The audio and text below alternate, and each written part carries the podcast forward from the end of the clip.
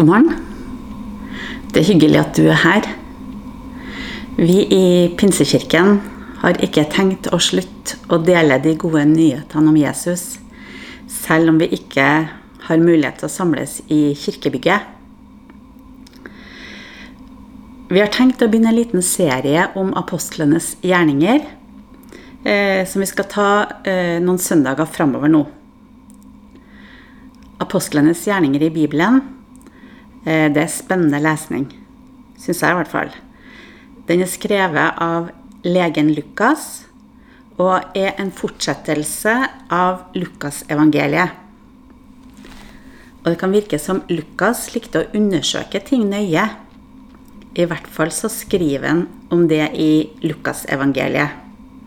Der sier han mange har forsøkt å gi en framstilling av det som er blitt oppfylt blant oss slik vi har fått det overlevert av dem som helt fra først av var øyenvitner og tjenere for ordet. Nå har også jeg bestemt meg for å gå nøye gjennom alt fra begynnelsen av og skrive det ned for deg i sammenheng, ærede Theofilos, så du kan vite at det er pålitelig det du har fått opplæring i. I Lukas evangelium så følger vi Jesus fra engelen kommer til Maria og forteller at hun skal bli mor til Guds sønn. Eh, vi ser at Jesus blir født i Betlehem, og vi følger ham gjennom livet der han går omkring, gjør godt, hjelper alle, helbreder syke, forkynner Guds ord. Og til slutt så blir han korsfesta og dør på korset, lagt i grava men står opp fra de døde tredje dagen. Og etter 40 dager så farer han opp til himmelen. I apostlenes gjerninger så blir vi med på det som Jesus gjør etter at han har fart opp til himmelen.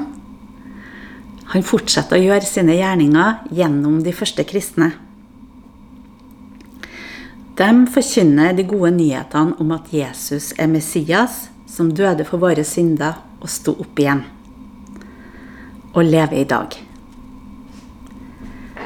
Og når apostlene forkynner, så kommer store mengder med mennesker til tro på Jesus.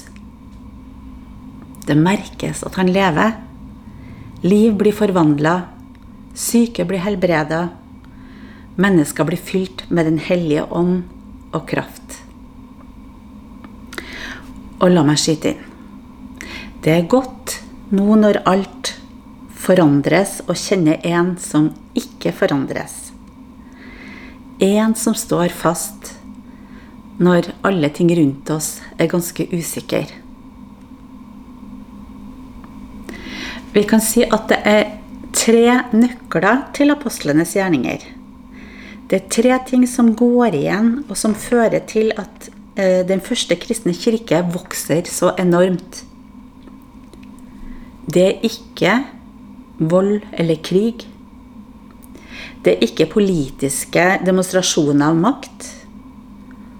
Og det er ikke engang menneskelig visdom.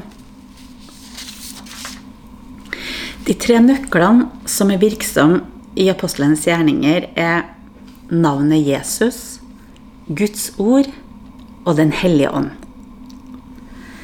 Og det er de her tre tingene som skaper liv i urkirka. Og jeg skal snakke litt om den første nøkkelen i dag, da, nemlig navnet Jesus. Og så skal vi ta for oss de andre aspektene av apostlenes gjerninger i søndagene som kommer. På pinsedagen, etter at Den hellige ånd var blitt utøst, så står Peter fram og forkynner til folkene som har samla seg i Jerusalem og forteller om Jesus, og da sier han Denne Jesus har Gud reist opp fra de døde. Det er vi alle vitner om. Denne Jesus har Gud gjort til Herre og Messias. Og ikke mange dager etter det her så er Peter og Johannes på vei opp til tempelet til bønnetimen. Og der sitter en lam tigger ved en av portene til tempelplassen. Og da han så Peter og Johannes som var på vei inn, så ba han om en gave.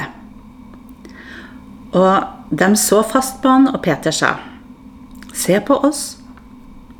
Han gjorde det og håpet de ville gi ham noe. Men Peter sa, Sølv eller gull har jeg ikke, men det jeg har, gir jeg deg. I Jesu Kristi Nazarerens navn, stå opp og gå. Og han grep ham i høyre hånd, reiste ham opp. Og straks fikk han styrke i føttene og anklene.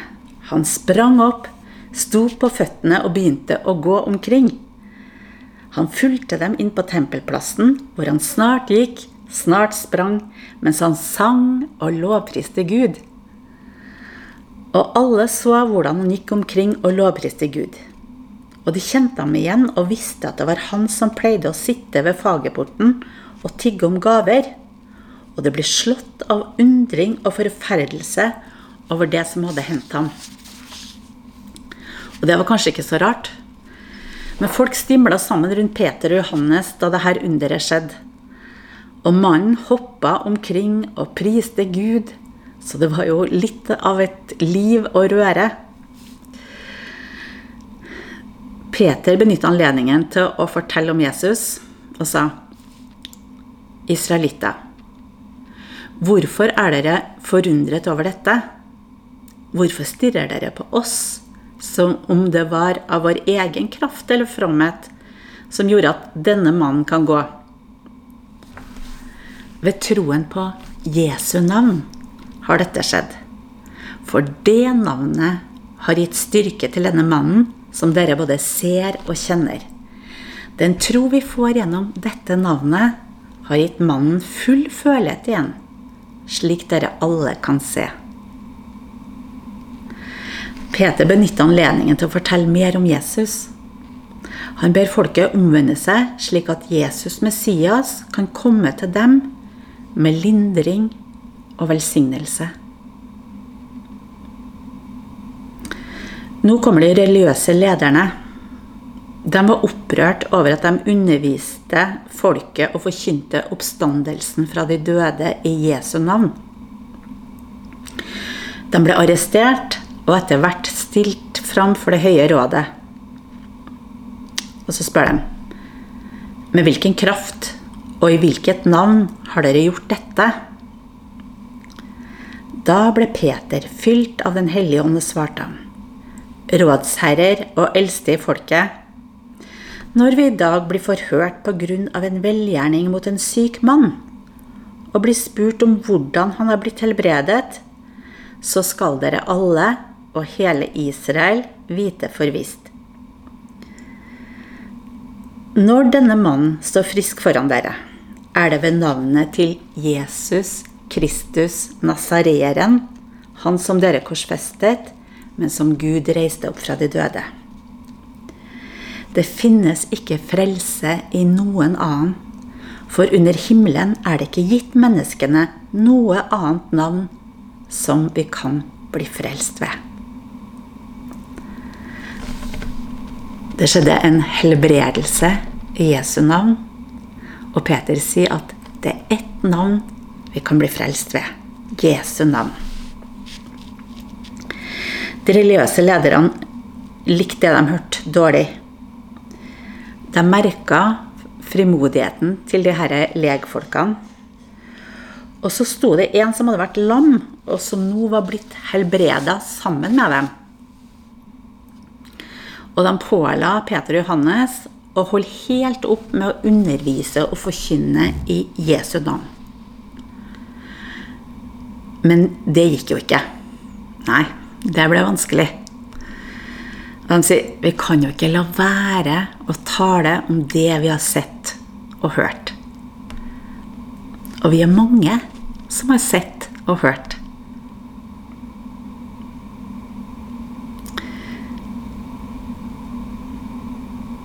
Vi har erfart Jesus. Vi inviterte Jesus inn i livet og ble frelst. Vi fikk fellesskap med Gud og fikk erfare Guds velsignelse i livet. Dette er gode nyheter. Vi har blitt gitt et navn som vi kan bli frelst ved. Navnet Jesus. Og hver den som påkaller Jesu navn, skal bli frelst, står det i Bibelen. I navnet Jesus er også Guds kraft.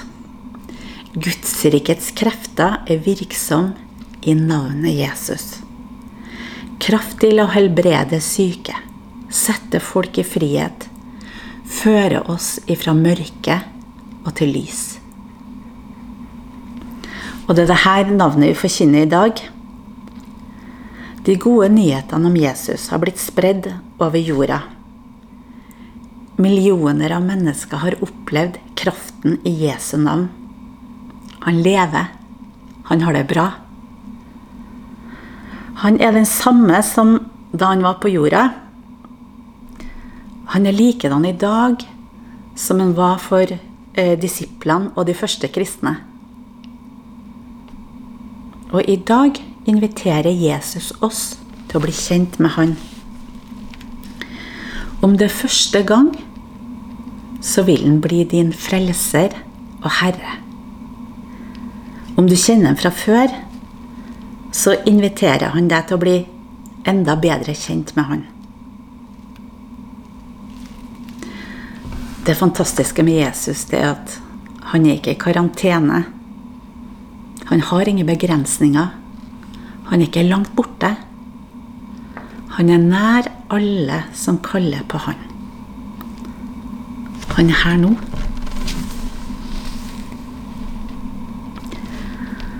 Skal vi be? Jesus, takk at du lever. Takk at det frelse i ditt navn. Takk at du er nær alle som kaller på deg. Takk at alle som kaller på ditt navn, skal bli frelst. Amen. Gud velsigne deg.